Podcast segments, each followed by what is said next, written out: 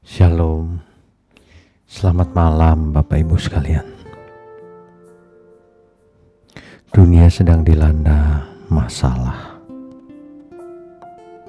Ada pandemi global. Sehingga manusia terancam kehidupannya. Tetapi kita harus tetap ingat bahwa Tuhan beserta dengan kita, bahwa hidup kita ini milik Tuhan. Apa pun yang terjadi dalam hidup kita, Tuhan izinkan. Artinya, hidup kita tergantung daripada Tuhan oleh sebab itu, kita tidak boleh takut menghadapi apa pun, sebab Tuhan beserta kita. Saya mengerti kalau hari-hari ini kita semua sedang prihatin, sedang sedih karena banyak saudara, teman, sahabat yang sedang sakit.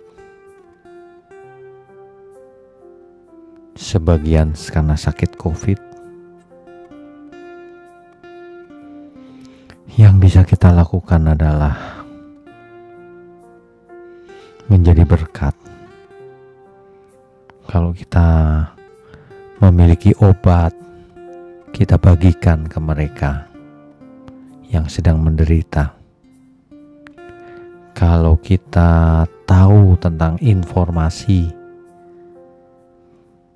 bagaimana mengatasinya, atau informasi rumah sakit mana yang bisa didatangi yang tidak penuh,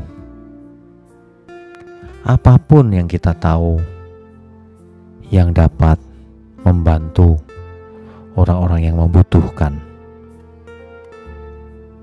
Maka itulah bentuk daripada iman kita. Iman itu harus nyata dalam hidup kita. Janganlah menjadi manusia yang egois Sebab orang yang egois hanya memikirkan diri sendiri, tidak akan selamat. Sebab inti dari seluruh hukum adalah kasih.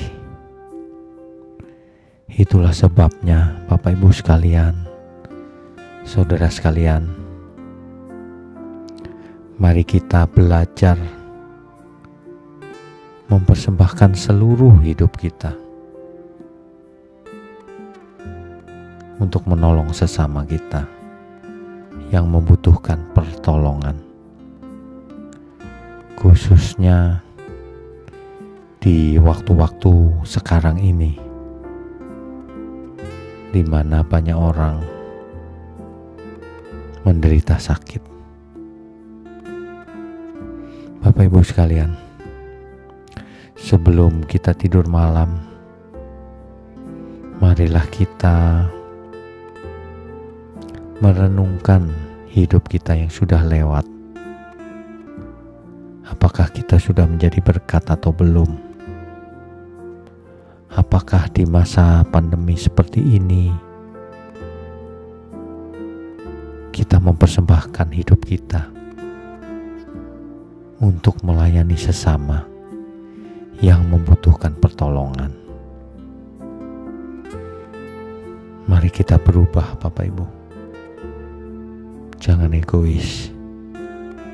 Kita harus menjadi anggur yang tercurah, roti yang terpecah, khususnya dalam situasi seperti hari-hari ini.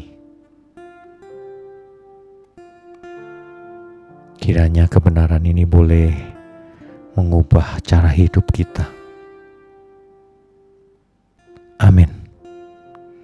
Kiranya Tuhan Yesus memberkati kita semua.